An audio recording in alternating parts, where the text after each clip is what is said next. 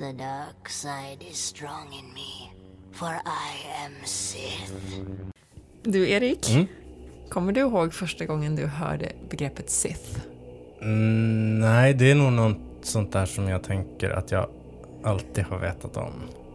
Men jag kommer inte ihåg när jag hörde första gången. Det kan mycket väl vara så. Alltså, första gången man hörde Sith var i samband med Star Wars-novellen som kom ut på slutet av 70-talet. Det var första gången det användes. Det var första gången det användes i samband med Darth Vader. Men första gången vi hörde om Sith på vita duken, det Mm. var i samband med Phantom Menace. Mhm.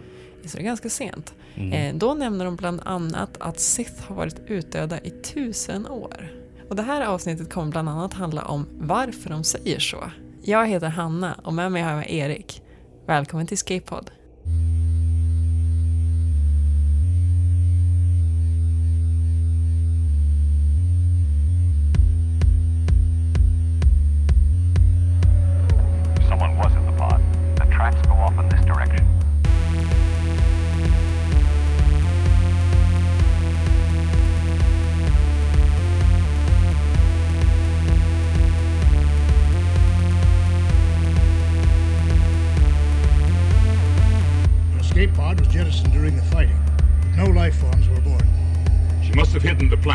Escape pod.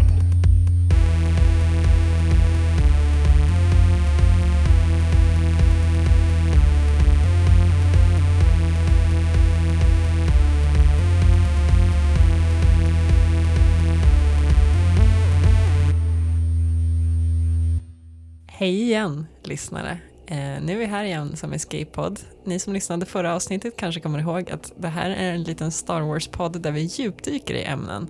Och det här eh, avsnittet kommer handla helt om Sith. Lite om deras historia, hur de fungerar, vad som motiverar dem och liknande. Vi kände att det var, det var dags helt enkelt att börja förstå vilka de här är. Och jag tänkte för att riktigt sätta igång och starta på en rimlig nivå är att vi ska försöka börja förstå vad Sith är och hur man definierar Sith. För det finns ju också någonting som heter Dark Jedis. Erik, vet du skillnaden mellan en Dark Jedi och en Sith?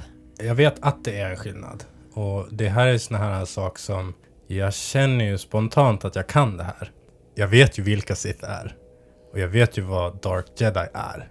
Men eh, inför det här när vi skulle liksom tänka på att förklara det för någon. Då man faktiskt på något sätt får testsätta det man kan på prov. Mm. Eh, så visar jag sig att jag kan faktiskt ingenting om det här. Men det är väl tur att jag finns här. det finns ju tydliga lik likheter mellan en Dark Jedi och en Sith, för båda jobbar ju med den mörka sidan av kraften. Eh, så på så sätt är de ju unika och kan väl liksom bå båda två anses vara någon slags onda varelser. Hur räcker man upp handen i en podcast? Du kan få räcka upp handen så ser jag dig. Nu räcker jag upp handen säger Aha. jag. Jag tänker ju att om man liksom går till den mörka sidan, Mm. då är man Sith. Mm, inte riktigt. Alltså du menar att om man börjar på ljus och sen går till mörkt? Ja, eller om man börjar på mörkt och är kvar där. Mm, ja, Men det är väl lite det, liksom- kanske, det är kanske lite det som avgör skulle man kunna säga.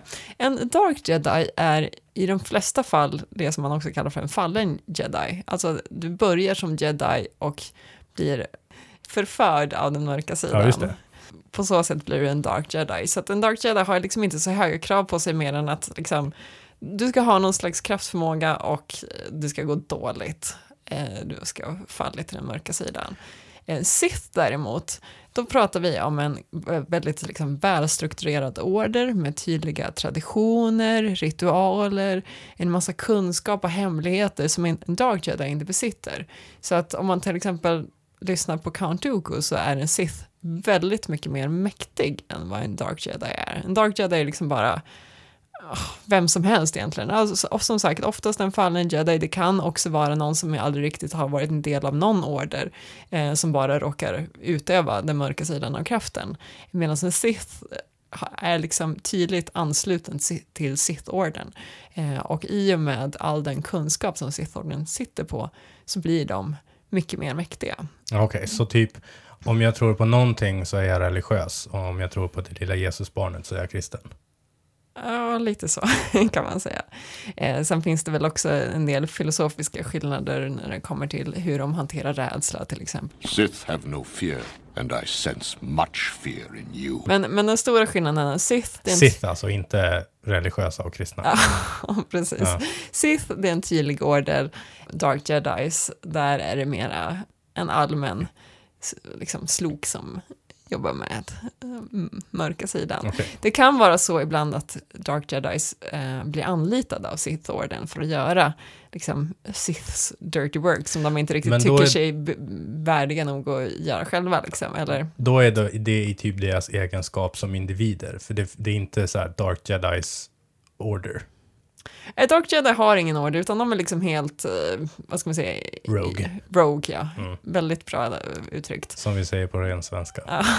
Men eh, så om vi tar till exempel Assange Ventress säger ju att hon är en Sith. Mm. Men det ifrågasätts ju liksom direkt av Count Dooku, för hon är ju inte en del av Sith-orden när hon, när hon uttrycker det där, utan hon liksom är ju mera en typisk Dark Jedi. Och hon anlitas ju sen som eh, lönnmördare. Hon blir ju inte så mycket mer än så, hon stiger ju aldrig riktigt i rang och blir en av Dookus riktiga eh, lärjungar. Nej, just det. För nu är vi inne i uh, Clone Wars. Ja, När hon säger så. Och då är ju, har jag för mig att de är där och påpekar att, att det är hon inte alls. Precis. Medan hon är helt övertygad om det. Ja, för hon tänker väl bara att jag känner den mörka sidan och det räcker. Men, Men, måste man bli dubbad sitt? Eh, Det verkar lite mer så. Det, det är en mycket mer strukturerad psyk- Det är ingenting som man bara kan... Det, det är liksom här liknelserna till kristendomen tar slut då i princip. Ja, fast å andra sidan kristendomen har du nattvarden till exempel och dop. Där blir du också intagen i Ja, kristendomen. just det. Mm. Men det finns ju någon slags gemenskap här och det är ju att Dark Jedis och Sith, men framförallt Sith, får ju alltid liksom eh, representera det dåliga eller farliga och ondskefulla Mm. Det är där jag har tänkt på det, att jag vet, att jag vet ju vad Sith är för någonting. Det är skurkarna. Det finns ju en väldigt tydlig eh, liksom, historia kring det här med ondska och man har ju någon slags naiv bild om vad ondska egentligen är. Men jag kände så här att är jag verkligen rätt person att diskutera det här med ondska? För att det här börjar ändå bli liksom någonting ganska, vad ska man säga, grundläggande i människans natur, vad ondska är. Mm. Så jag letade upp en expert på det här ämnet. Petrus Andersson heter jag och jag är psykolog. Och det jag kanske allra först ville få reda på, det var just det här, vad är egentligen ondska? Och liksom, vad, vad är en ond människa? Det betyder väldigt mycket tänker jag att säga att en person skulle vara ond. Eh, och att det är ju alltid, det är ju lättare att prata om att en person gör onda saker och så här. Men bland de personer som har eh, vad man skulle kunna kalla för en antisocial personlighetsstörning så är det ju vanligare med vissa personlighetsdrag. Eh, och det är ju de här personlighetsdragen då som man brukar prata om när man pratar om eh, psykopater till exempel. Frågan om det finns personlighetsdrag som är onda är en sån här fråga om finns det personer som föds onda? Och det är ju däremot lite svårare att svara på. Man kan väl säga att det finns Alltså det finns ju personlighetsdrag, vad ska man säga, man föds ju med olika temperament.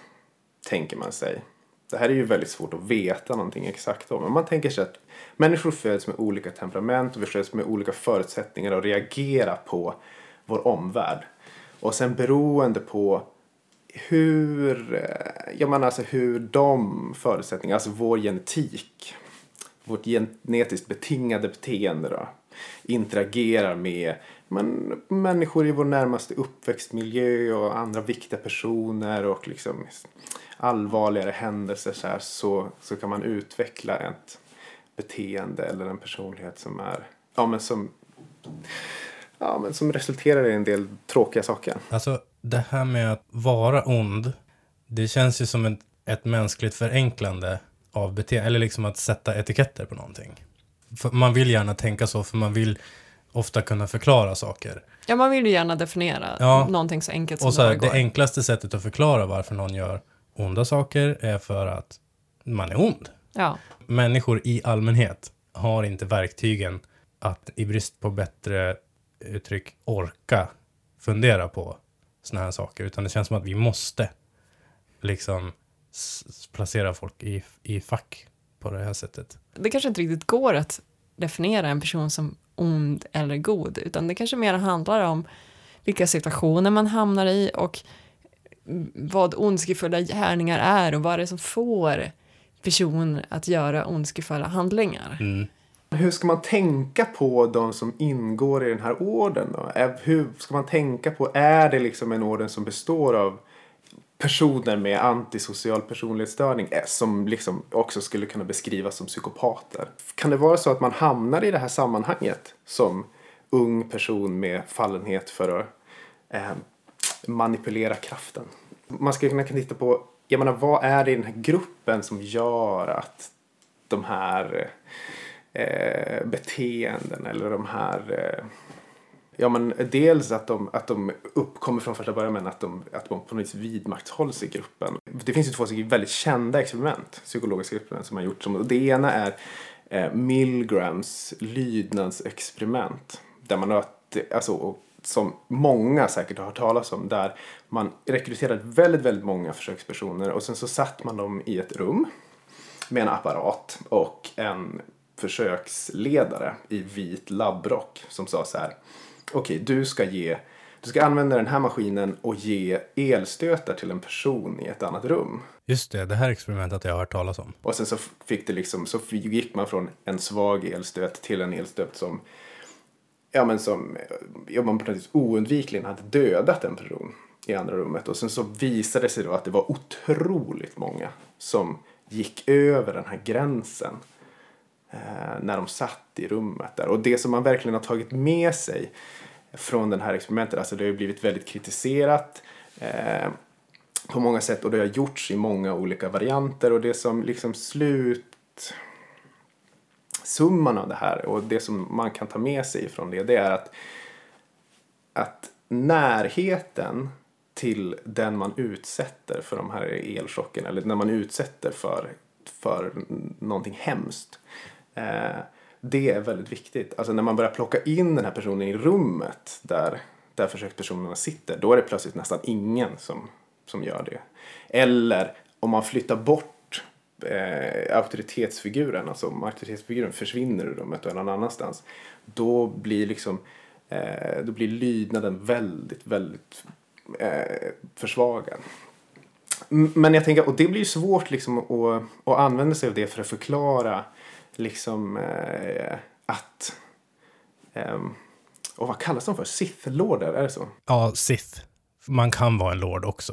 Alltså att förklara deras beteende, för de är ju både, tänker jag, eh, eh, de är både ledare och sina egna bödlar. De befinner sig ju väldigt nära det som händer. Eh, och det skulle väl tyda på, eh, ja men att, att en psykolog skulle betrakta dem som ja, personlighetsstörda på något vis. Men å andra sidan så kan man ju också, man kan titta på det från en annan, ett annat håll och då kan man prata om eh, ett annat väldigt klassiskt experiment som kallas för Stanford Prison Experiment.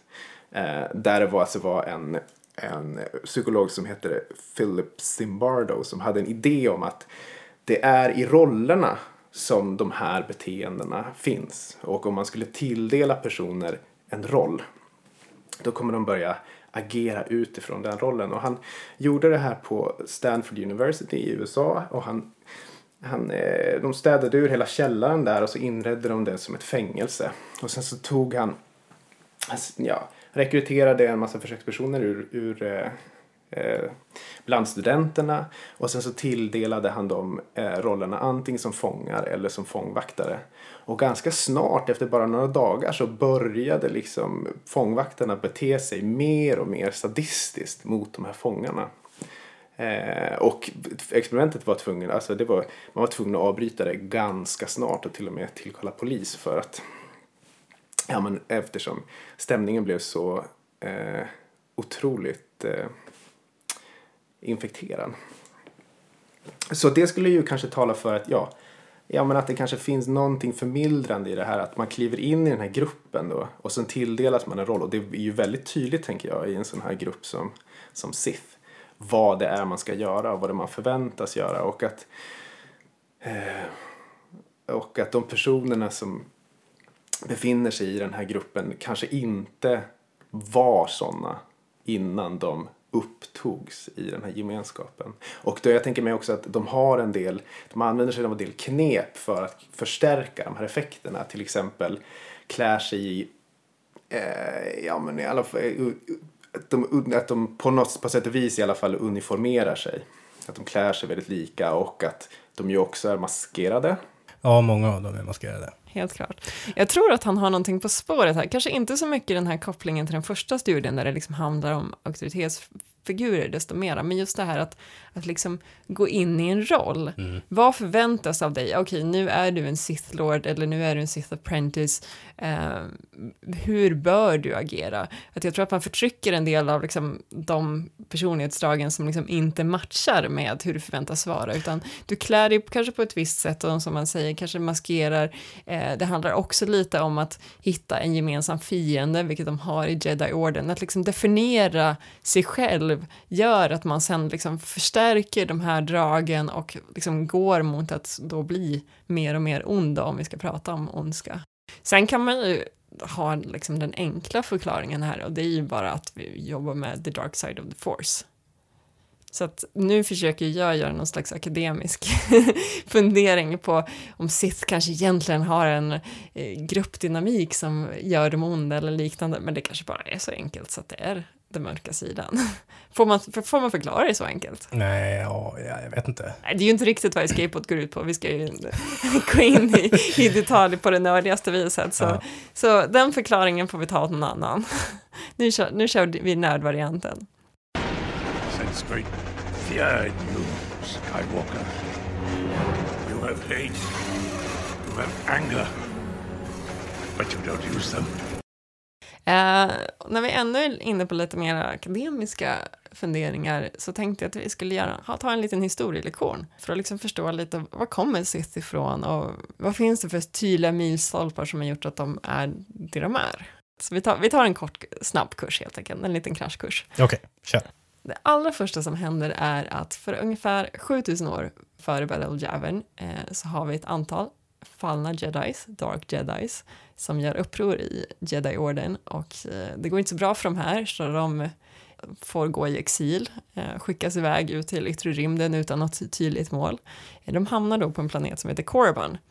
Och där visar det sig att det finns en ras som heter Sith, som är väldigt force-sensitiva, force-känsliga. Och för de, den här rasen Sith så blir ju eh, jedis betraktade som gudar i stort sett. Liksom, för de har ju makten till det här. Och Den här rasen är inte force. de, de, har, liksom, de är kraftkänsliga men de har liksom inga riktiga förmågor. Nej. Hur funkar det?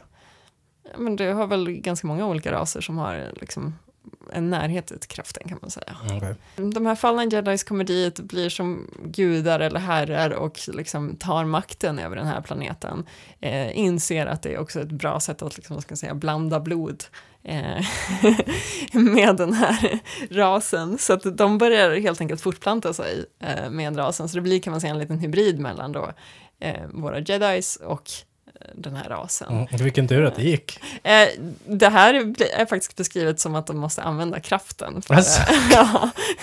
Ja, så ja. det, det är inte fullt så old school okej. som man kan förvänta sig, utan på något sätt så blir det någon slags hybrider via kraften. Okej. Och eh, det här fortgår ganska länge. De får sitt liksom, Sith-rike som rör sig kring Korban och närliggande system. Och över tiden så faller ju liksom deras historia mer och mer glömska. De börjar glömma bort var de kommer ifrån, de börjar liksom sluta tänka på republiken eh, och liksom kör, kör sitt race. Men i en väldigt Fallen Jedi nu pratar vi om. nu pratar vi om Fallen Jedi som då blandar sig med Sith-rasen. Okej.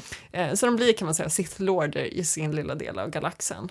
Eh, och det här är ju på något sätt lite, vad ska man säga, frid och fröjd för att eh, republiken kör sitt race och bryr sig inte heller om, har ju för länge sedan glömt bort de här Jedis exil, utgår väl från att de bara omkom i, på sitt rymdskepp. Mm. Men sen så, 2000 år senare, alltså 5000 år före Battle of Yavin, Mm. då dyker det upp två stycken individer på Corman. De hamnar där av en slump. De håller på och letar bra nya rutter för sina hyperspace jumps. Och i och med att de träffar på den här nya Sith-imperiet eh, så blir det ju dels så att vad ska man säga, republiken blir medveten om Sith, men framför allt så blir Sith påminda om republikens existens. Eh, och under den här tiden så finns det en del aspirerande Sith-ledare, bland annat en som heter Nagasado, eh, som du kanske känner till, Mm, väldigt känd känns- Sith nu Lord. låter det bekant. Eh, Och han tänker ju direkt att här, nu har vi en chans att expandera Sith-riket. Om vi attackerar eh, republiken så har vi en chans. Eh, så han tar sitt, tar sitt folk eh, och startar ett krig helt enkelt. I och med att de då blir medvetna om att de här finns. Det går jättedåligt. För, Sith. okej.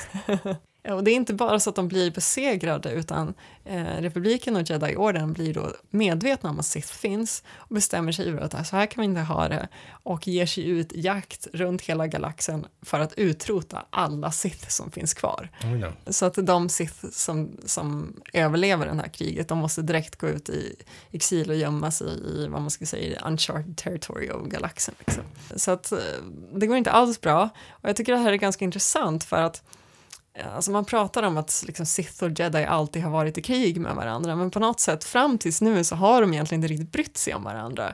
Det som händer är att de hamnar i krig och Jedi-orden utrotar hela Sith-kulturen. Och jag känner lite så här, okej vi vet, vi liksom känner sen gammalt att Sith de hatar Jedis, man har aldrig riktigt fått reda på varför, man tänker väl att ja men Jedis De är onda. Jedis är väl någon slags stoppkloss. Och så Mm. fort man hör det så här, okej, de har då medvetet Men var det. Sith som startade det här kriget? Det var det förvisso i och med Nagasado. Mm. Eh, Så, Då så, har du din anledning där. Vilken anledning då? Till varför jedis kändes, eller republiken kände att de här skulle utrotas. Jo, absolut, det finns väl någon slags logisk gräns, men det är ändå intressant för att jag tycker jedis, de porträtteras ofta som att de är liksom fredsbevarade och de är lugna och sansade och de gör det som behöver göras men ingenting mer. De är ju någon slags FN-styrkor i stort Men har de alltid varit det? Tydligen inte. Alltså det känns som att, alltså när de höll på så här så kan de ju inte ha sagt att de ska vara fredsbevarande och, och, och liksom verka för att allt liv är heligt. Det känns ju väldigt medvetet. På något sätt så, alltså så här, det är väldigt lätt att hata Sith och det förtjänar de väl kanske på många sätt. Men samtidigt, när man hör det här och liksom förstår var de kommer ifrån så är det på något sätt som man ändå får lite sympati, man får ändå en förståelse för detta ständiga hat. Eh, för det här, det här är helt enkelt deras absolut första historia. Så här, vi börjar med att ha en eh, jättemotståndare som bara vill utrota oss. Men alltså kan det vara någonting med det här med att individer har en tendens att leva upp till förväntningarna som de har på sig? Pratar vi om Sith eller Jedi nu? Vi pratar väl kanske om Sith, Jedi och även de som finns i vår egen verklighet.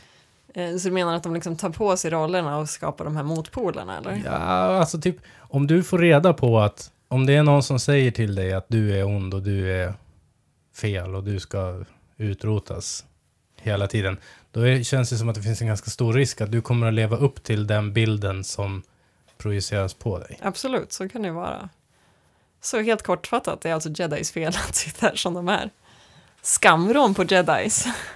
Det låter ju som saker som pågår i vår värld. hos oss. Ja.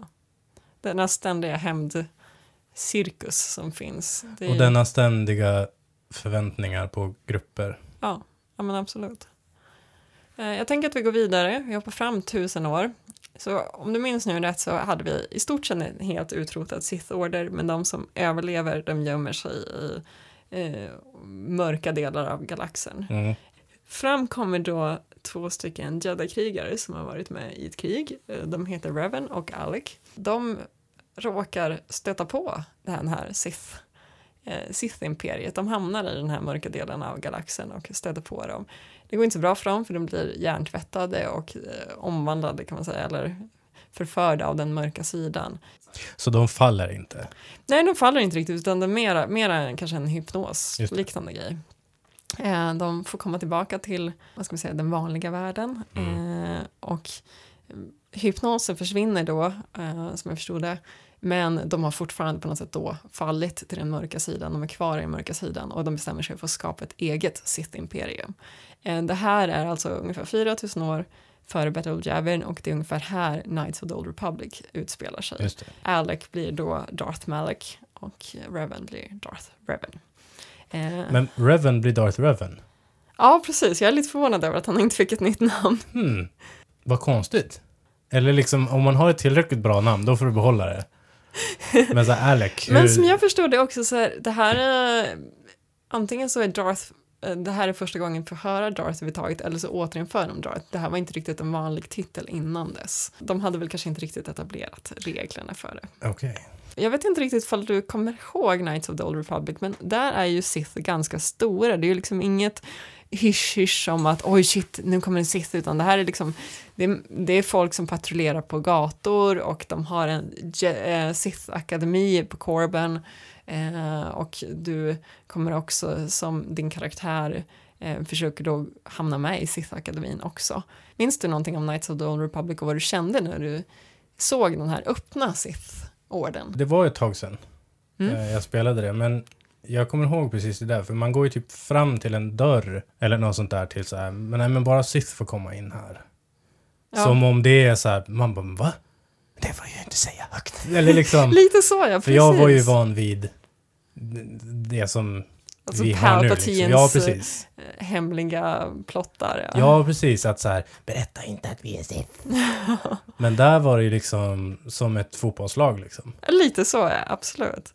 Jag tyckte det var väldigt fascinerande för det var, det var en sån annan tid och liksom, skulle man läsa böcker om den här tiden då skulle man ju förstå säkert mycket mer om vad det handlar om men om man var van vid att bara se filmerna då är det här något helt annat och det är kanske här man börjar inse liksom, vad, vad är Sith-orden egentligen? Ja, det är inte bara det här väldigt hemlighetsfulla utan det är, liksom, det är en tydlig orden med tydliga regler och tydliga ritualer. Mm. Eh, och jag minns också att eh, för att då tillåtas komma med i den här akademin så måste man utföra ett antal liksom, vad ska man säga, steg. Eh, Du, ska, du förväntas få någonting som heter prestige. Och där kan du få på olika sätt. Du kan samla gamla skatter eller liknande. Men jag minns också att du kan liksom göra men de mest liksom egoistiska grejerna. Du kan i stort sett få prestige genom att förråda dina liksom, studentkollegor på akademin. Ja. Det skavde på hos mig på något sätt. Alltså, jag, för, jag förstår liksom grejen att det liksom det uppmuntras att vara liksom ondsint mot andra,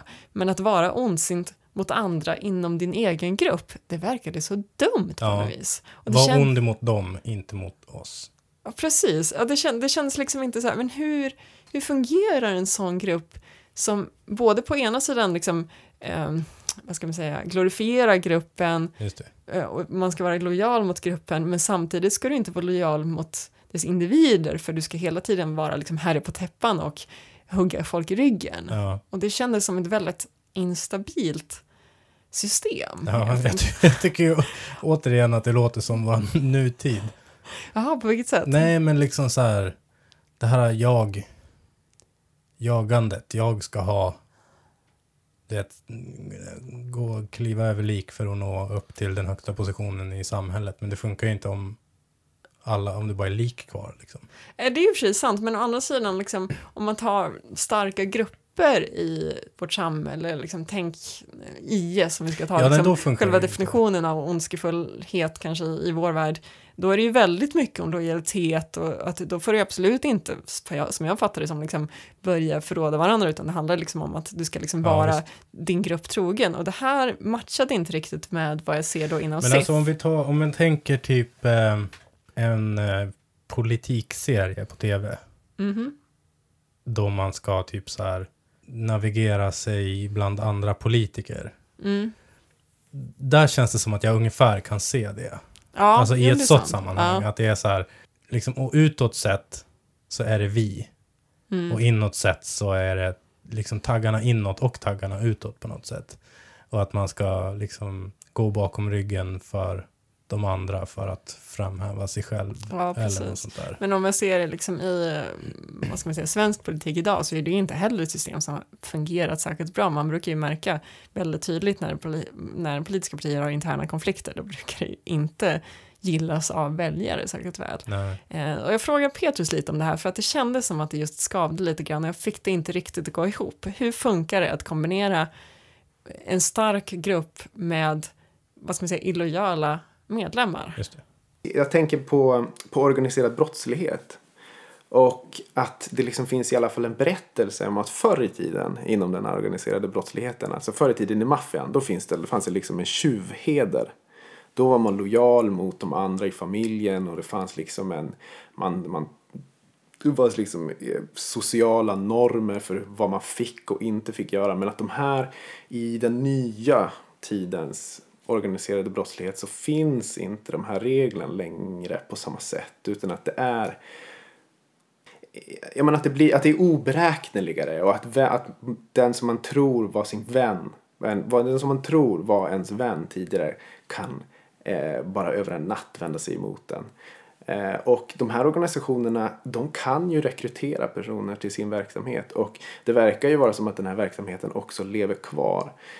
En grupp eller en organisation som, som kan erbjuda sina blivande eller presumtiva medlemmar tillräckliga fördelar i jämförelse med vad de har just för stunden fortfarande skulle kunna alltså skulle kunna ägna sig åt de här sakerna och fortfarande rekrytera nya medlemmar. För att man kan ju gissa att den här sortens attityd skulle eh, menar, skulle göra att, det för, att, det, att man har en, en rätt stor omsättning på medlemmar i sin organisation. Men i allmänhet så skulle man ju kunna säga att det är väldigt sällan man på jorden ser att en organisation inte bygger på sociala normer som, som lojalitet och mot den egna gruppen och kanske eh, aggression mot andra grupper eller rivalitet med andra grupper. Det är ju det, är ju det, det vanliga. Och jag, tänk, jag tänker mig också att inom organisationer där man har sett att, att, man, att de har varit oberäkneliga på det här sättet och det plötsligt inte är så att man, man, man är lojal mot gruppen längre. Som jag kan tänka mig eh, i, eh, i eh, Sovjet under Stalin under några år då ingen visste vad som kunde hända. De organisationerna blir ganska instabila och eh, till slut ja, krackelerar och, och, och slutar finnas. I alla fall i den formen som de gjorde tidigare. Det var en väldigt bra liknelse. Ja, men verkligen. Så att på något sätt så om vi har en grupp som verkligen kan erbjuda någonting gott till sina medlemmar, då kanske man kan få med nya i den här gruppen. Men det blir en väldigt instabil grupp som kan gå lite hur som helst. Mm. Och det här för oss vidare till nästa epok inom Sith som känns kanske som den absolut viktigaste. Och det är någonting som hände för ungefär tusen år sedan. Eh, och vi, Tusen... tu, oj, tusen år före Battle of Yavin. eh, och då möter vi Darth Bane som du kanske har hört talas om. Ja, men nästan bara vid namn. Okej, då ska jag berätta lite här. För Darth May börjar ju också se att det finns problem med Sith-orden. Eh, det är ett problem att folk bara förråder varandra och det är framför allt som man ser som, som gör honom skrämd. Det är kanske inte så mycket att orden i sig är lite ostadig utan det handlar om att det behöver inte alltid vara den starkaste som vinner. För har du då liksom tio svaga eh, småsinta Sith som går ihop så kan de alltid fälla en stark ledare. Genom att fortsätta på det här sättet och på något sätt uppmuntra illojaliteten och eh, kniven i ryggen hela tiden, då främjar vi inte den bästa sitten, utan vi främjar bara det här beteendet. Just det. Jedi-orden, de bygger på samhörighet, gemenskap och där man samarbetar. Mm. Sith gör inte det, så de hittar liksom ingen riktig styrka i att vara många. Nej. Så han kommer på någonting som heter the rule of two. Eh, där han tänker att vi skippar att ha en stor, stor order. Låt oss istället ha en mästare och en lärjunge. Och ingenting annat än så. så. Syftet med hela den här grejen är att han tänker att om man har en mästare och en lärjunge så tränar mästaren upp lärjungen, apprentice, tills lärjungen till slut har blivit bättre än mästaren. Målet då är att lärjungen helt enkelt ska döda mästaren.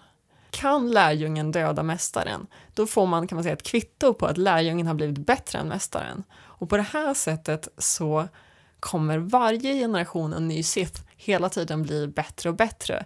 Och slutmålet med hela det här, det är att man så småningom ska få en så stark Sith, de här två som de enda som finns kvar, så att de i sin tur kan störta, störta jedis. Men alltså hur gjorde han, liksom när han kommer in som Siths starke man och bara så här Order! Order! Bröder och systrar, vi håller på att förgöra oss själva. och hela vår organisation är hotad. Lyssna på mig. Och alla bara, ja, det får bara bli två av oss. Fight! alltså... Du har helt rätt i att det här är ju inte en så enkel sak. Det är inte så att man bara lägger fram det på ett månadsmöte och liksom hoppas att alla Sith som är då är så beskedliga bara med på det här. För Eh, då har man ju två alternativ. han, var ju, han var ju en känd kritiker till Sith-orden redan innan, men han insåg att okej, vi kan inte ha det så här, alla andra Sith måste ryka. Så han ser ju till att liksom komma på ett sätt att förgöra alla Ja. Sith. Han gör det i samband med ett krig mot jedis kan man säga. Praktiskt sett så vill han ju inte ha Sith. För då blir, nu blir det ju något helt annat med samma namn. Både ja och nej, för att han vill ha, han vill ha kvar Sith-orden, han vill ha kvar deras kunskap, deras ritualer och allt det där. Eh, Fast för två stycken. bara för två stycken. Eh, men, Det är ju jättedumt. Då är det ju ingen order. Om vi inte har en order på två. Jo, men syftet med det här då, eh, det är att, att istället då bara vara två och i, börja göra det här i det fördolda. Det är ett sätt att hålla kvar Sith-orden utan att bli utrotad och utan att hela tiden förlora mot jedis. Men det kräver ju att jedis inte förstår att Sith fortfarande finns kvar. Han skulle ju teoretiskt sett kunna göra sin lilla konstellation utanför Sith. Mm. I och med att det är något helt annat. Om jag liksom som missnöjd medlem i en grupp säger att så här kan vi inte göra, det, det får bara finnas två av oss och så eliminerar jag alla andra. Då finns ju inte den gruppen kvar. Så han skulle ju ha kunnat gjort, sitt, si, han skulle ha kunnat gjort sin grej vid sidan av. Men då skulle han ju ha haft både jedis och sith Mot som motståndare. Så att han lyckas ju bli av med de här på ett väldigt skickligt sätt. Precis. Och det, så vi börjar då med att han lyckas döda av alla Sith, förutom sig själv och sin egen apprentice. Eh, men det finns ju då ett steg två, att han måste ju få jedis att tro att Sith helt utplånad. För att på så sätt så slipper de bli förföljda och de kan liksom Utvecklas. ligga, ligga och ruva och utvecklas i hemlighet. Eh, och det här lyckas han också med för att eh, vid ett tillfälle så befinner han sig hos en helare som, som förråder honom och tar kontakt med Jedi-orden. Eh, så Jedi-orden kommer dit och har hört att oj, det, kom, det finns en till Sith kvar, vi hade inte utrotat alla. Men Bane gör så att han då eh, gör den här helaren galen, eh, som beter sig då helt irrationellt. Jedi-orden kommer dit, tror att det är helaren som är Darth Bane, dödar av den här personen och tänker nu är vi klara. Så det är De inte, refle- ja, det, alltså, vi, vi ska inte gå in på detaljer nu, men man Men kan alltså, säga en de- kortfattad historia är att det är så det fungerar. ja, men de, kan, de är ju naiva alltså.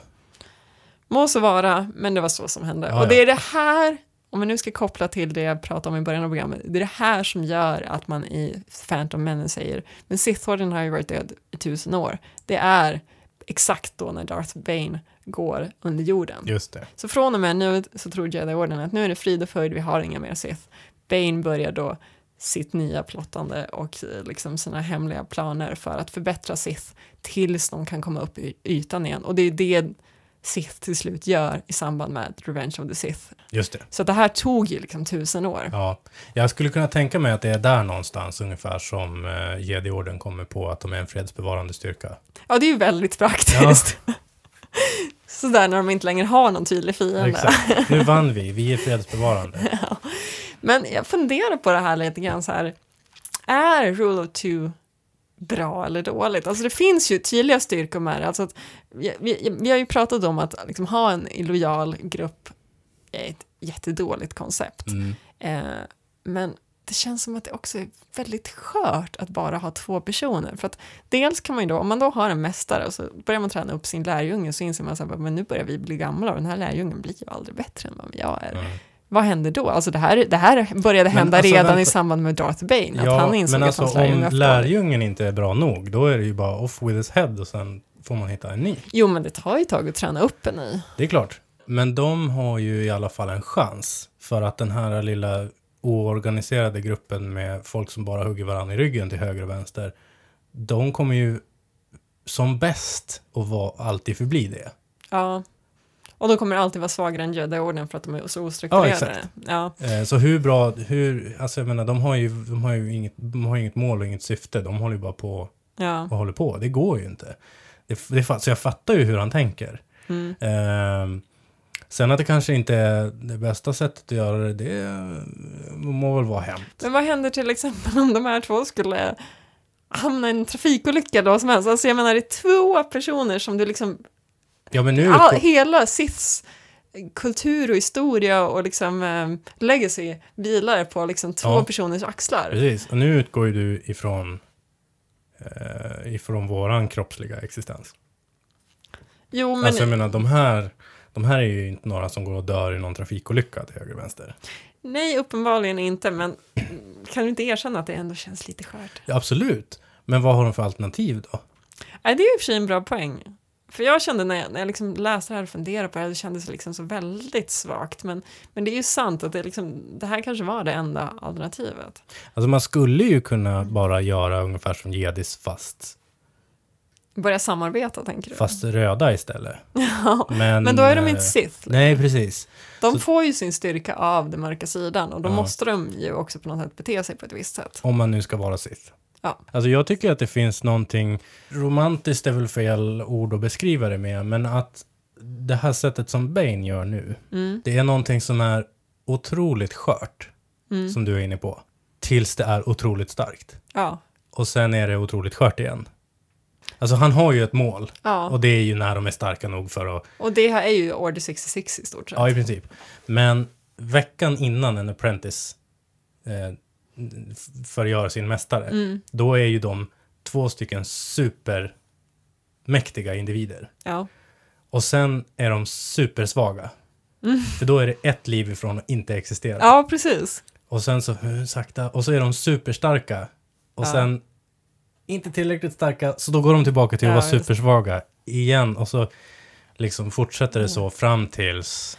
Ja, men det finns ju, ja, men jag gillar det du säger om romantik, för det är ju någonting ganska liksom vackert i det. Det jag tänker också på, det är ju de här eh, spindlarna.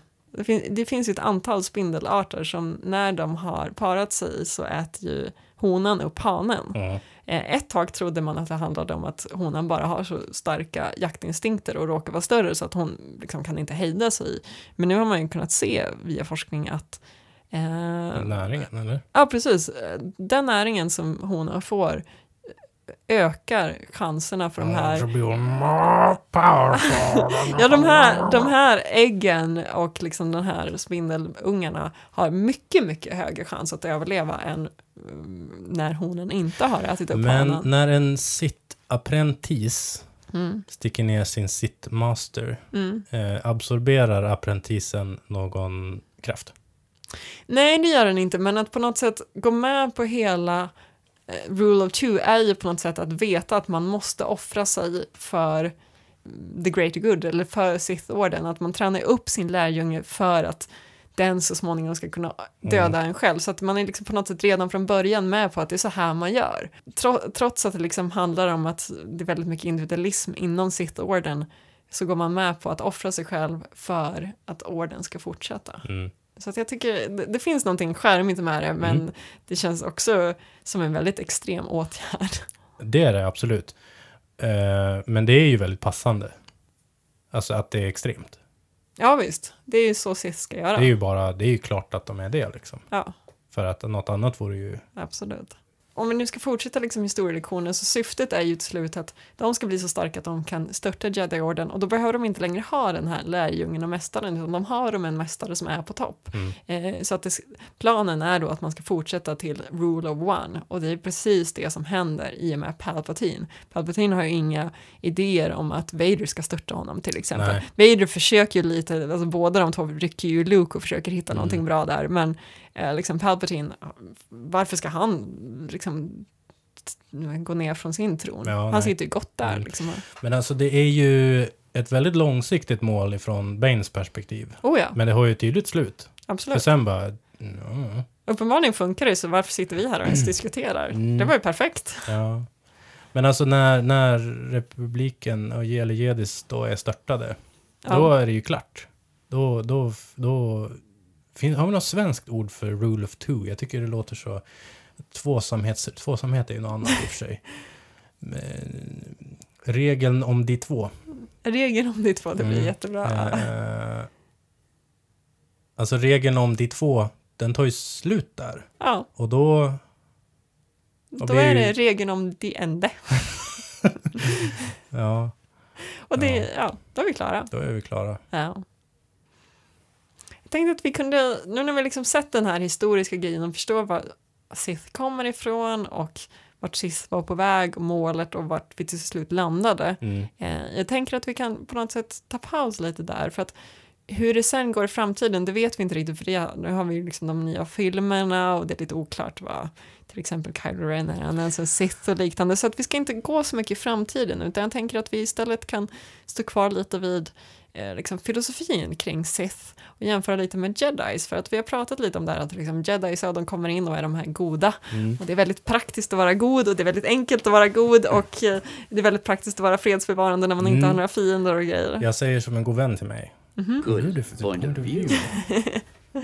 Ja, så att jag tänkte att vi kan gå vidare och se lite eh, hur Jedis och Sith resonerar och vad som är deras grundfilosofi. Och jag tänkte att det enklaste sättet att göra det är genom att jämföra deras två Jedi och Sith-koder. Känner du till att de har koder? Ja. Låt mig läsa lite här. Jag tänkte att vi kunde börja med Jedis och bara fundera lite på vad är det de egentligen säger. Den går så här. There is no emotion, there is peace. There is no ignorance, there is knowledge. There is no passion, there is serenity. There is no chaos, there is harmony. There is no death, there is the force. Vad känner du inför den där? Jo, men jag känner mig högtravande när jag hör den. ja. du, du känner ingen liksom känslomässig koppling?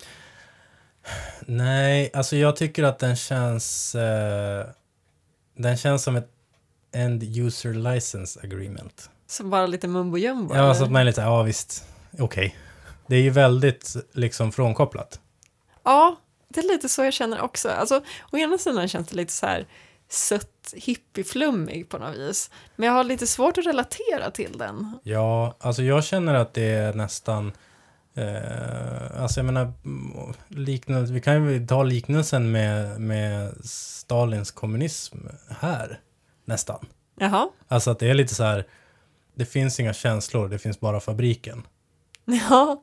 Alltså lite så. Det är jättekul att du tänker precis på det här. För att min koppling, det var till den här boken 1984 som väl egentligen med väldigt mycket handlar om kommunismen.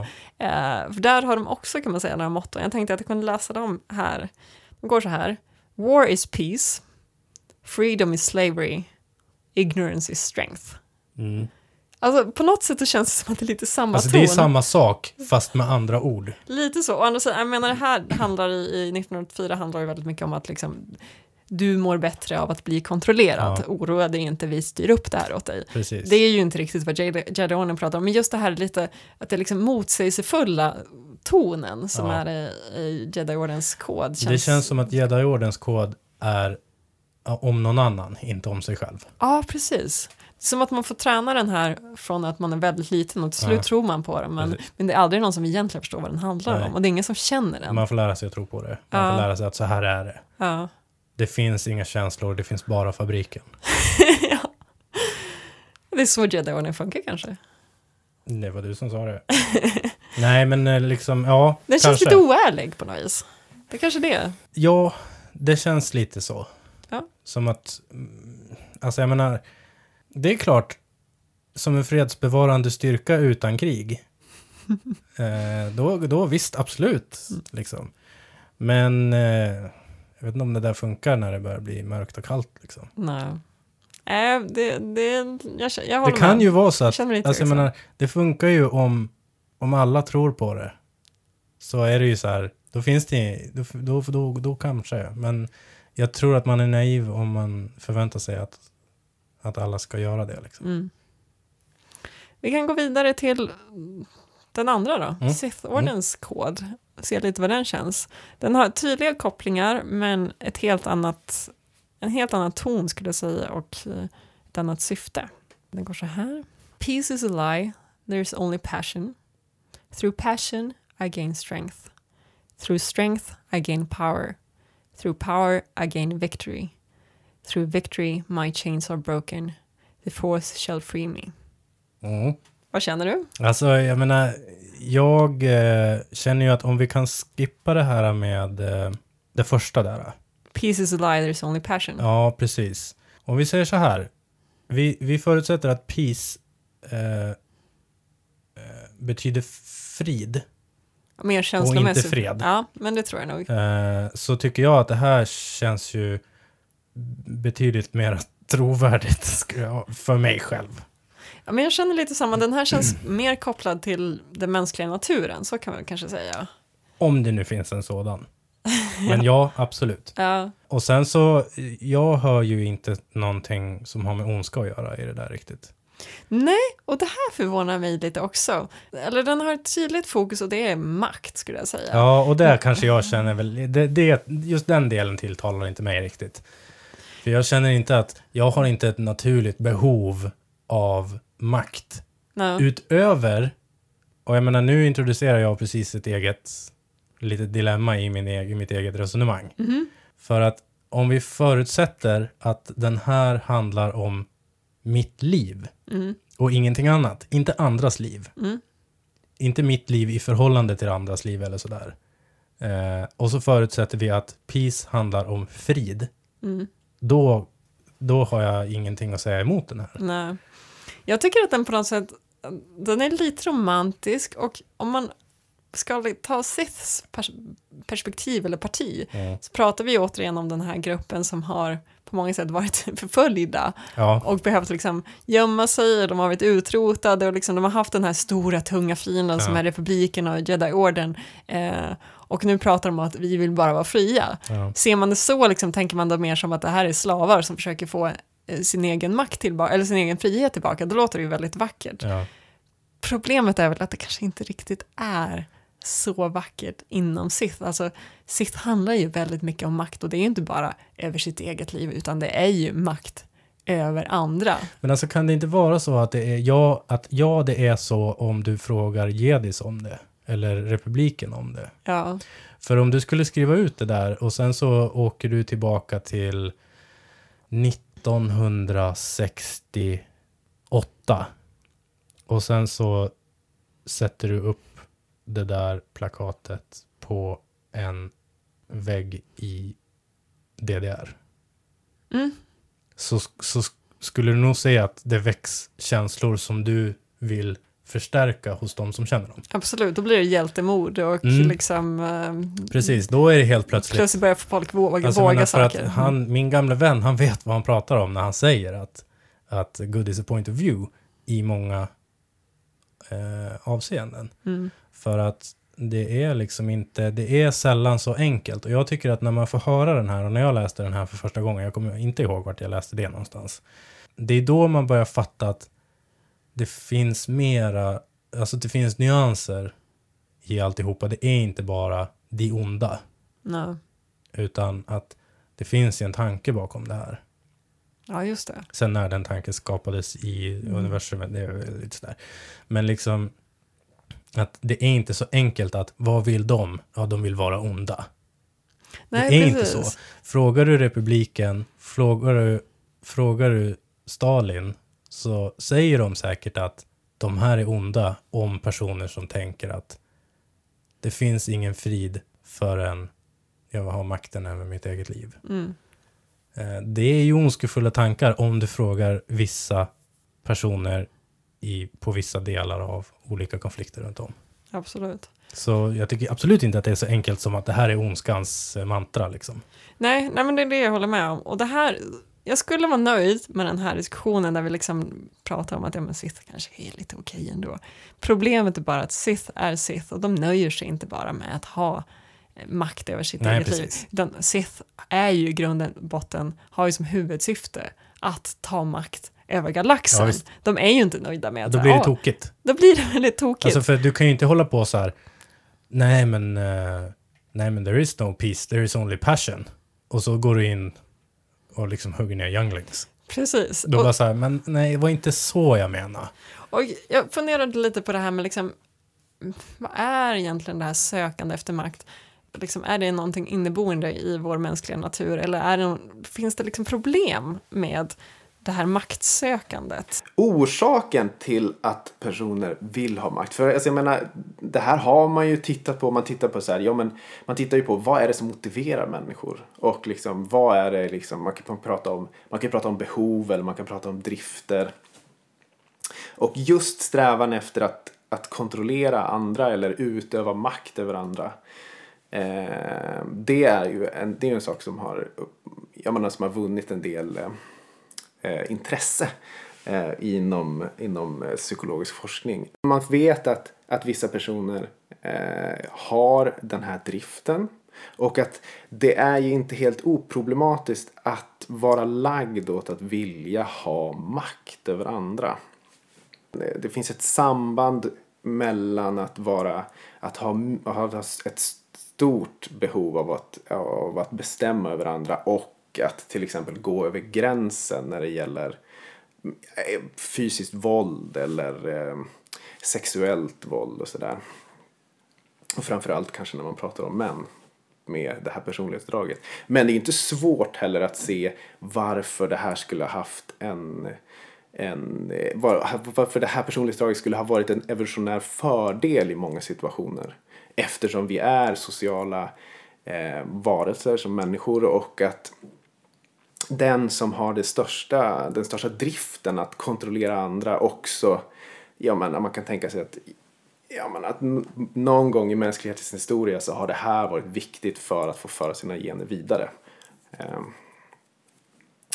Men, men det är ju inte alltid så att det är en bra strategi och jag tänker att det också är många andra saker som gör att folk söker sig till positioner i samhället där man får makt. Alltså till exempel eh, Eh, materiella fördelar eller att man, ja, att man eh, är lagd åt att vilja göra ett väldigt bra jobb i jämförelse med andra. Eller eh, eh, ja, men att man är, och det här är ju också någonting som, som eh, alltså ett personlighetsdrag som till viss del överlappar eh, det eh, det som man brukar kalla för dominans eller strävan efter att, eh, att influera eller bestämma över andra, att, att, att vara tävlingsinriktad. Och sen tänker jag också att om man tittar på sådana här organisationer och det gäller nog särskilt, gäller nog kanske också i allra högsta grad SIF, att det finns ju en struktur inom de här organisationerna där någon är på topp kroppen. Och att det finns en, liksom en natur, det naturliga är att sträva efter att få mer inflytande. Och jag tänker liksom att i en sån, när man har en sån struktur i en organisation eller i ett samhälle. Då kommer man också se att många fler eh, att många fler strävar efter att göra det eftersom det liksom finns en slags kollektiv rörelse mot att, att göra det och att det finns också en berättelse om att det är bättre på toppen som ju i många fall också är sann. Det är just där vi är inne på problemet med allting. Alltså driften och motivationen bakom verktygen som man får av de här teoretiska nyckelorden eller liksom som deras kod. Ja, precis. Alltså att den, den, den är ett dubbeleggat svärd. Ja, det är intressant det han säger om att liksom en grupp kan på något sätt förstärka det här ständiga sökandet mm. efter makt, men att det är ganska problematiskt. Absolut. Eh, för att liksom, det främjar beteenden som inte är särskilt sunda. Mm. Visst, det finns någonting, vad ska man säga, det, det, finns någon slags evolutionär förstärkning i också på något sätt att de som har sökt makt har på något sätt fått den också. Mm. Men det är inte riktigt så vi kan ha det. Nej. Alltså jag tror ju att i många situationer hos många människor i olika delar av historien så har det här tänket kunnat hjälpa dem att ta sig ifrån ett förtryck. Ja, precis. Men om de inte slutar där, utan fortsätter att driva på med det här, så kommer de helt plötsligt att komma på sig själva med att vara förtryckarna. Ja, nej men det, det är ju verkligen en hårfin gräns och det är väl det som är kanske problemet i många eh, ja, men liksom grupper i vår värld. att vad är det man brukar säga, att det aldrig fötts en demokrati utifrån en revolution. Att om du är den, om du tillhör en grupp som slår tillbaka mot de som förtrycker dig, då kommer du väldigt sällan bara nöja dig när du väl har blivit fri, utan du fortsätter förtrycka för du vill hämnas och du vill se till att den här andra gruppen aldrig fortsätter eller kommer tillbaka och får makt och då blir du automatiskt en förtryckare. Mm. Det är Alltså- extremt svårt att hålla sig på en bra nivå. Där. Ja, alltså det blir ju ofta så att för att ta över makten så måste du trycka bort och hålla ner någon annan. Ja. Och då är det ju inne på hur länge ska du hålla? Ja. Eh, håller du för lite så har du bara gjort det värre. Och då har du fått en arg hund. Ja, och sen, jag tror att, jag tror att det inte finns någon gräns. Alltså jag tror att, inte, eller det finns ingen övergångsperiod liksom, då, det, då den tidigare för- förtryckande, nuvarande nedtryckta, kommer till freds med hur, hur fel den betedde sig.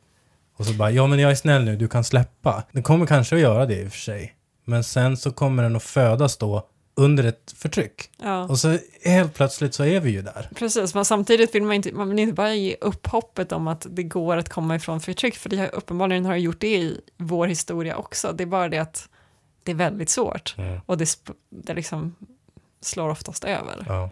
Det känns som att vi tolkar in Sith väldigt snällt här nu, men, men samtidigt... Det tycker inte jag, absolut inte. Nej, okej. Det jag känner är att vi tittar på en tanke om, jag vet inte varför jag tänker på frihet hela tiden, men vi har liksom en tanke och en värdering som, som teoretiskt sett kanske inte är problematisk och som vi kan identifiera oss i, i en, en känsla. Mm. Men vad man gör med den känslan, eller att den känslan kan vara farlig om den appliceras på en person med, i våra tycke, felaktiga motivationer. Det, återigen känns det som att man kommer tillbaka lite till det här att det kanske inte finns någonting som heter att, liksom, att födas god eller ond, utan det handlar ju om vad man gör med sina situationer. Ja. Och liksom, ser man då till att inte hitta sin egen frihet med måtta, utan fortsätter att bedriva makt utöver andra, ja, då är det kört. Ja, Och det är det Sith gör. Ja. Och det är en väldigt stor del av Sith. Så jag tycker ändå på något sätt, det jag gillar med Siths kod, det är att den har något slags sympatisk klang, men den beskriver också Sith och deras motivation väldigt väl och hur de faktiskt agerar i praktiken. mm. För det handlar väldigt mycket om makt Ja. i deras grundfilosofi. Det känns som att det är någon som har försökt att försköna någonting.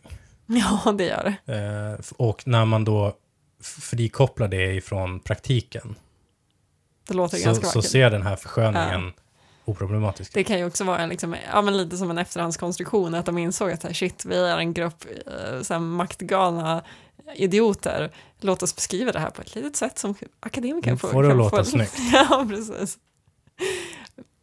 Men eh, ja, Eh, det, det känns ändå lite, lite spännande ändå att, att vi har den här gruppen som alltid klassas som onda i alla Star Wars eh, liksom, sammanhang, Mm. men som ändå har någonting, kan man säga, ja, mänskligt eller någonting man kan identifiera sig med i. Man kan förstå deras kamp. Ja, på sätt och vis. Om man bara, alltså jag menar nu är vi ju där. Om man bara, om man, om man frikopplar det helt ifrån vad de gör i praktiken. Ja. Då kan man, då, Precis. då låter det inte dumt. Men om vi ska gå vidare lite på det här, den här polariseringen mellan gott och ont som Mm. ändå är en så stor del av Sith och Jedi så tänkte jag att vi ska avsluta lite, vad ska man säga, mjukare. Jag tänkte göra en liten quiz. Okej, Okej, ja. En, en är du god eller ont eh, quiz kan man säga. Eller, kanske ska förtydliga, det här är inte ett personligt test, utan jag tänkte, jag ska beskriva, ja. jag ska beskriva några händelser inom Star Wars-världen. Mm. Eh, Och så tänker jag att du ska få svara på, eller gissa, Okej. eh, om det här är utfört av en Sith eller av en Jedi. Yes, shoot. Vi börjar kanske med någon ganska välbekant. Mhm. Eh, kidnappning av barn. Ja, det är ju jedis som gör det. Ja, det stämmer. Det är ju så de, det är ju så de funkar. Ja, och jag hade tänkt att vi skulle, jag hade tänkt att ta det som ett exempel faktiskt. För att eh, då har vi ju det här med motivationer. Och om du tänker på föräldrarna som blir av med sitt barn. Mhm. Ska de ta, det finns inga känslor, det finns bara fabriken. Eller ska de ta, jag känner saker, bränn ner fabriken. Du menar att alla som har då de här barnen som de blir av med, de borde egentligen automatiskt, om de hade varit kraftkänsliga, de borde automatiskt blivit Sith eller Dark Jedis för att det är så man naturligt borde reagera. Jag skulle reagera så. Ja, ja men så känner jag med. Eh, Om det kommer någon och bara, nej men, eh, oj vilka höga, vilken hög halt med midichlorianer hon hade. Henne tar vi. Det är för eh, the greater good. Hej då. Ja. Ja, så det bara nej. Det är rätt kul om man jämför också med eh, Rule of Two, eller vad sa vi, Lag, regeln, om de två. att vi pratar liksom om att den kanske är ganska barbarisk, att man ska, eh, för att Sith-orden ska fortgå så måste man döda av mästaren hela tiden. Ja, men Men alla fall- alternativet är ju att hela tiden kidnappa alla dessa barn. Alltså den har ju i alla fall eh, en viss nivå av frivillighet i sig. Ja, visst. Vilket att bli tagen som liten inte har. Nej. Det här med frihet, det är viktigt. Vi går vidare. Mitt exempel är någon som älskar någon. Om det är jedi eller sitt. Mm. Det är sitt. Utveckla. Jag tänker att älska, då har du eh, det här med att äga.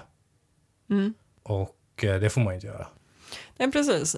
Eller åtminstone viljan att äga. Man vill inte äga liksom. Det här är ju hela liksom Anakins och Padmes historia, att man får inte eh, utveckla för starka band mot en särskild individ. Ja. Eh, så Jedi-orden är ju väldigt emot kärleksrelationer. Du, det är det här med att känslor. Ja, de gillar inte riktigt känslor Nej, precis. Det är kanske det som kanske är det största problemet. Man ska tygla sina känslor. Ja. Ja, och inte ha några. Det är, anledningen att jag känner att jag vet det, det är för att jag vet att Obi-Wan, han har varit och liksom fuskat lite grann med det där, just den där biten. just det. Han har ju älskat lite grann till höger och vänster. Dels så hade han en fjälla och sen så i eh, den mest känslosamma scenen i eh, Star Wars så säger han You were my brother, Anakin!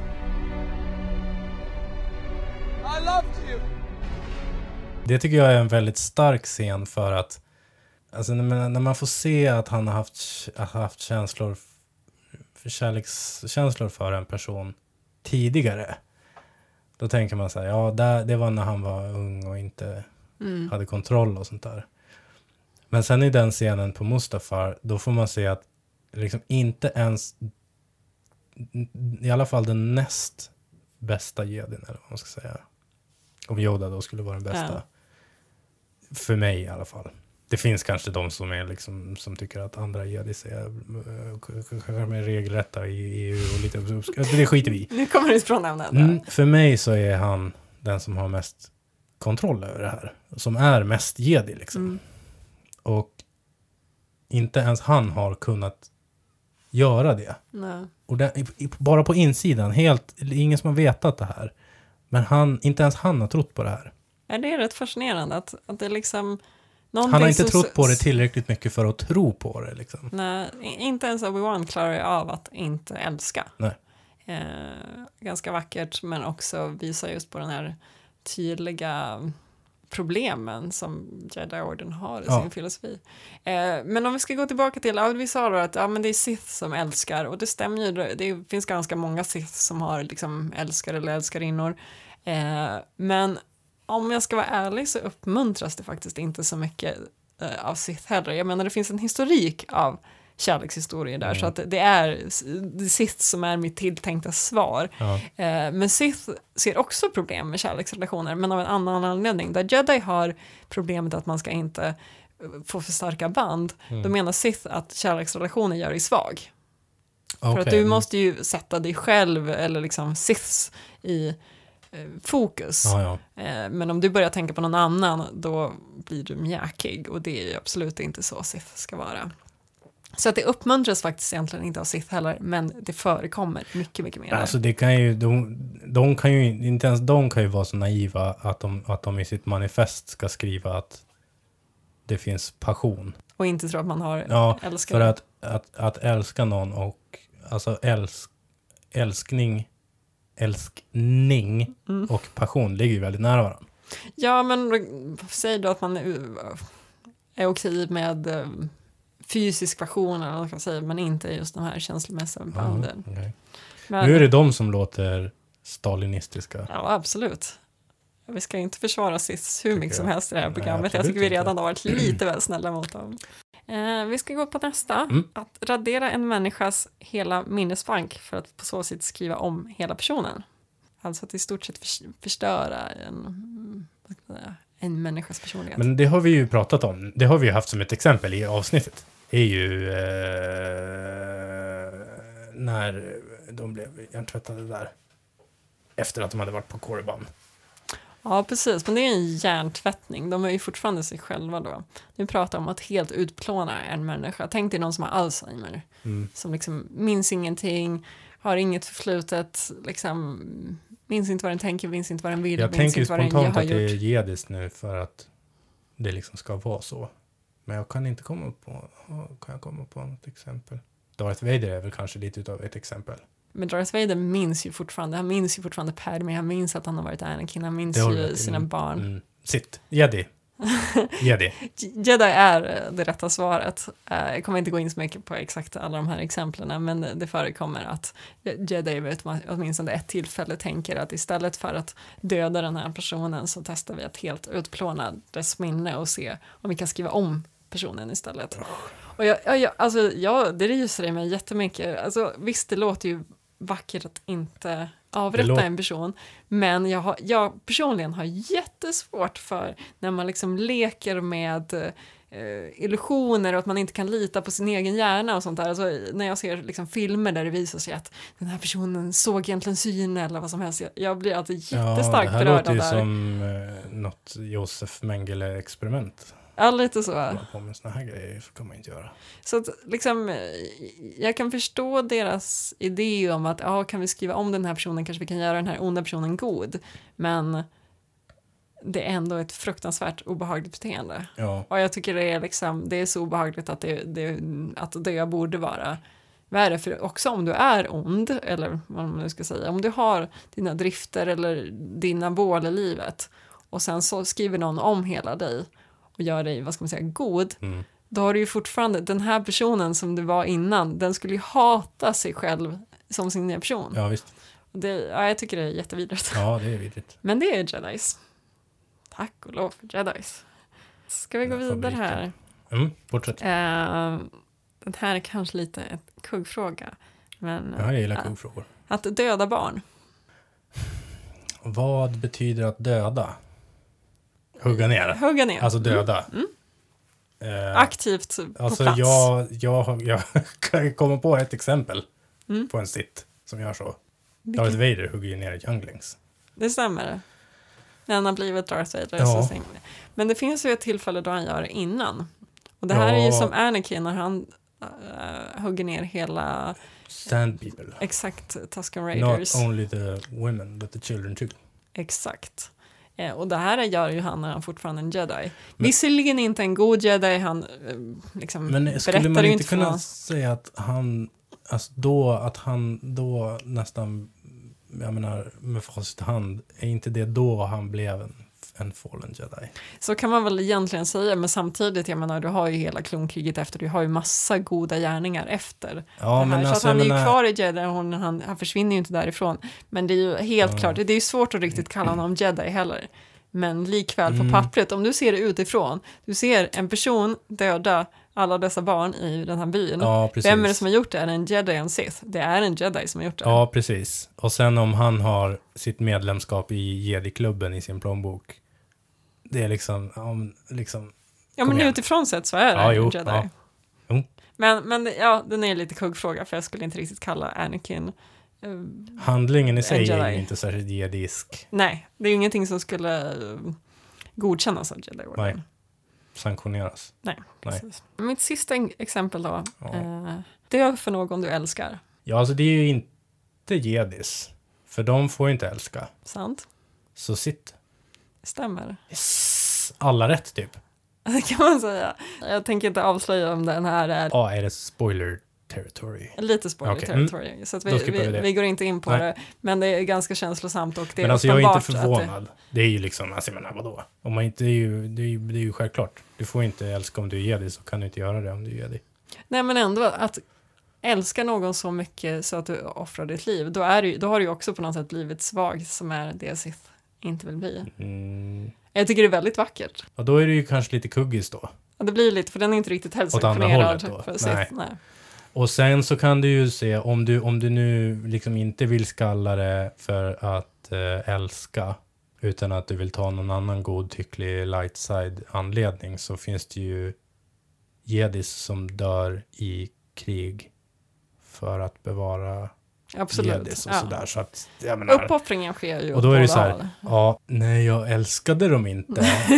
Alltså, jag bara menar, tyckte väldigt mycket om Ja, dem. precis. Det var ju så här, ne- nej men det var ju, eh, du vet, godtycklig anledning. Ja, Så att det, på så sätt så skulle det kunna vara dem också. då. absolut, så kan det ju vara. Men sen, för sen om de, om de an- vill skriva om älska till något annat så är det väl upp till dem liksom. Ja, precis. Nej, men jag tycker, alltså, jag menar, det var ju en, en ganska simpel quiz för att det är ju lite luddigt allting, men jag tycker att det är ganska Jag tycker det var en intressant. bra quiz. Ja, tack. Jag vann. ja, det är väl därför du tycker den är bra då. Eh, men jag tycker det är ganska fascinerande att med tanke på hur polariserat den här berättelsen i Star Wars ska vara, liksom, Mm. där det ska vara det här jättetydliga, du är ond och du är god, så känns det som att om och om, och om igen så ser vi de här gråzonerna där man bara, okej. Alltså som en gammal kompis till mig sa, good is a point of view. Och när han säger det, då, då är det lite så här, ja men så där säger han, du vet, för att han är ond. Men så här, när man nystar lite grann i det, då, det, det stämmer ju. Ja. Alltså så himla väl i allting som de gör. För att Jedis går ju ifrån att vara sprunget ur en god tanke Mm. till att bli fabriksleverantörer. Man säger så. Ja, alltså egentligen, när man börjar titta på de här exemplen, det kanske inte säger så mycket egentligen om Sith, utan kanske mera om att alltså Jedi-orden och problemet med att en grupp, för att gruppen ska på något sätt bevaras och för att den ska ha de här tydliga principerna så måste man vara lite för strikt och man måste göra saker som egentligen inte är särskilt trevliga. Alltså det, det, det är väldigt svårt att eh, vara aktiv eh, så som gäddorden är när de ska till exempel vara fredsbevarande och alltid hålla sin liksom, höga moral utan de kommer alltid behöva göra saker som är ganska smutsiga Mm. men jag gillar det, Mm. Det blir en bra historia. Helt klart. Jag tänker att det här är väl, var väl liksom ett bra sätt att runda av hela diskussionen kring Sith. Jag Ja. tror att vi har kommit fram till att, vad ska vi säga, det är inte alltid så lätt att säga vad som är gott och ont. Det finns mycket inom gru- gruppdynamiken som eh, förklarar varför Sith är som de gör. Ja. Och eh, de har en intressant historia med en del märkliga val. Mm. Helt klart. Ja, men det var väl allt för oss. Tack Bra. för att ni lyssnar. Ja. Ha det bra. Ha det bra. Hej då. Hej då!